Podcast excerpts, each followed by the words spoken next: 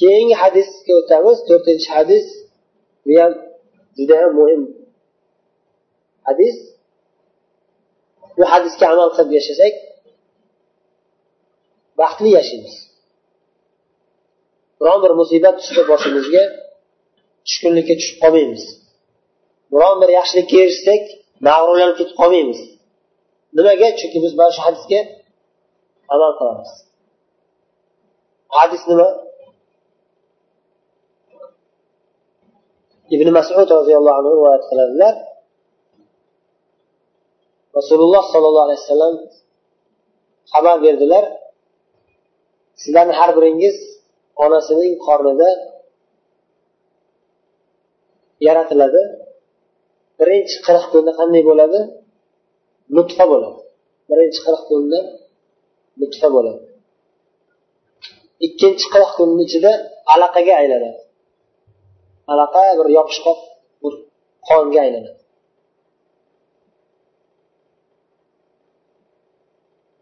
Birinchisi ya'ni nutfa degani ya'ni bir tomchi suv birinchi qirq kun ichida onani qornida biz bachadon deymizmi bachadonda to'planib bir tomchi suv shaklida o'tiradi turadi. Sekin sekin rivojlanib ikkinchi qirq kunga o'tgandan keyin qonga aylanadi. Keyin sekin sekin go'shtga aylanadi. Qirq kun. Keyin bir yuz yigirma kun bo'lganda unga farishta yuboriladi. Farishta yuborilib ruh kirgiziladi. Mana shu bir parcha go'shtga nima bo'ladi? Ruh kiradi. Ana shu payt o'sha yuborilgan farishta yana bir narsaga buyuriladi. Nima u narsa desangiz to'rtta narsani yozishga buyuriladi. U to'rtta narsa nima? Mana shu tug'iladigan kelajakda tug'iladimi tug'ilmaydimi? Shu bir parcha yangi maxluq kelajagi qanday bo'lishligiga taalluqli to'rtta narsa. Rizqi ajali ya'ni qancha yashashligi degan ajali degan qancha yashashligi. Va amali nimaga amal qilib yashashligi qanday amal qilib yashashligi. Oxir oqibati to'rtinchi nuqta. Oxir oqibati nima baxtli bo'ladimi yoki baxtsiz bo'ladimi? Mana shu to'rtta narsani farishta nima qiladi? Har birimiz tug'ilishimizdan oldin onamizni qornimizda yotgan paytimiz bir yuz yigirma kun bo'lganda yozib qo'yadi. Yozib qo'yilgan bo'ladi. Tayyor. Demak bilamizki bu dunyoda hamma boshimizdan o'tadigan narsalar taqdirda yozib qo'yilgan keyin rasululloh sollallohu alayhi vasallam yana hadisda davom etib aytyaptilarki qasam ollohga u zotdan boshqa iloh yo'q bo'lgan zot alloh taologa qasamki sizlarni biringiz sizlarni ichingizdan ba'zi bir odamlar ya'ni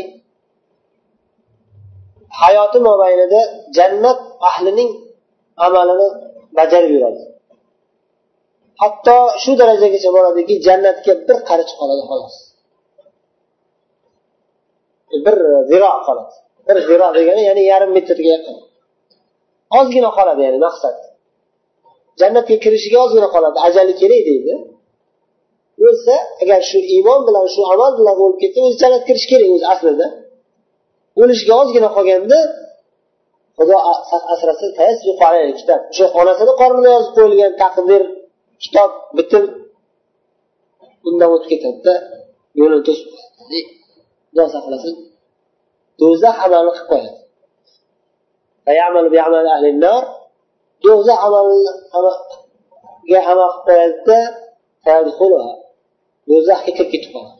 O'ladi keyin do'zaxga ketadi. Xudo saqlasin yana ba'zi bir odamlar hayoti mobaynida faqat do'zax ahlini ishini qilib yuradi. Do'zaxga kiradigan odamlarning qiladigan ishlarini qilib yuradi. Do'zaxga olib ketadigan amallarni qilaveradi. O'lay deganda nima bo'ladi? Ajaliga ozgina qolganda bir qarich yoki bir bir bir ziro qolganda taqdirda bitib qo'yilgan narsa oshib uni oshib ketadi. O'sha narsa o'zi taqdirda bitib qo'yilganda shu narsa shu vaqtda shunday bo'ladi deb o'sha narsa amalga oshadi. Natijada u jannat amalini bajaradi. Jannat amalini jannatga kirgizadigan amalni bajaradida shu bilan jannatga kiradi demak bu narsadan biz juda katta ibrat olishimiz kerakki u ham bo'lsa qo'rquv bilan umid. Doim musulmon kishi mana shu hadislardan foyda olib ham qo'rqib turadi ham umid qilib turadi. O'ziga nisbatan ham boshqalarga nisbatan ham. Ko'pchilik o'ziga nisbatanligini to'g'ri tushunadiyu lekin boshqalarga nisbatan amal qilmaydi shu hadisga. Yoki boshqalarga nisbatan ba'zida amal qiladi o'zini esdan chiqarib qo'yadi. Boshqalarga nisbatan qanday desangiz boshqalarga nisbatan ikkita holatda ko'rinadi yaxshi odamni ko'tar ko'tar qilib bo'ldi bu odam avliyo bo'lsa adashmaydi tirik bo'lsa hajam adashmaydi? Turib ko'tar ko'tar qilib xotirjam bo'lib qolish. Bu ham inson adashib qolishi mumkin fitnalar ko'p bu dunyoda. Degan narsa mana hadisda aytyaptilar o'limidan ozgina oldin adashib do'zaxga ketib qolayotgan odamlar bo'lar ekan deymiz. Buni qarshisida kalla kesar o'g'ri haromxo'r odam ko'rsak bu odamdan umidi yo'q deb butunlay umid uzib olmaslik kerak. U o'lishidan oldin tavba qilib qolishi mumkin ekan demak. Nima qilishimiz kerak shunga sababchi bo'lib qolsak bizga ajr bo'ladi. Savob bo'ladi qanday qilsak shu odamni hidoyatga boshlashimiz mumkin? Shu narsa ustida o'ylanib harakat qilamiz. O'zimizga nisbatanligini bilasizlar nima qilishimiz kerak? O'zimizga nisbatan har qancha islomga ko'p xizmat qilgan bo'lsak ham qo'rqib turishimiz kerakki ertaga habata qilib yuborishi mumkin shu narsani. O'zim shoshilib bilib bilmasdan. To'g'ri minglab odamlarni hidoyatchisiga sababchi bo'lib qoldim minglab kambag'allarni boqdim minglab odamlarga yaxshilik qildim lekin hali o'lmadim. O'lishimdan oldin nima bo'laman bilmayman. Va bu qilgan ishlarim o'zi haqiqatda ixlos bilan qildimmi olloh qabul qildimi yo'qmi bilmayman. Deb qo'rqib turamiz. Gunoh ish qilib qo'ysak bo'ldi man do'zaxga kirib ketdim deb turib umidsiz bo'lib qolish kerakmi? Yo'q tavba qilasiz. Tezroq tavba qilib o'lib qolishimdan oldin. Fursat bor oldimda deb umid paydo bo'ladi o'zizga nisbatan. Demak mana shu hadisdan olinadigan eng asosiy foydalardan biri. Bu hadisning qisqacha ma'nosi va sharhi mana shunday. Endi hadisi sharifning arabcha matniga quloq solamiz. عن ابي عبد الرحمن عبد الله بن مسعود رضي الله عنه قال حدثنا رسول الله صلى الله عليه وسلم وهو الصادق المصدوق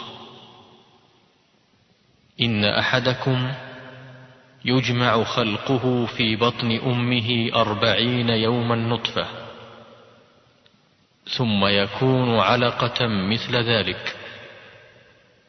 ثم يكون مضغة مثل ذلك.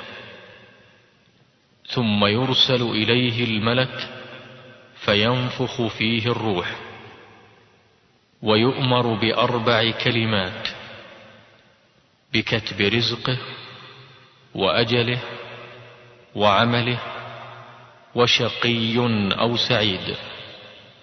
فوالله الذي لا إله غيره. إن أحدكم ليعمل بعمل أهل الجنة حتى ما يكون بينه وبينها إلا ذراع فيسبق عليه الكتاب فيعمل بعمل أهل النار فيدخلها.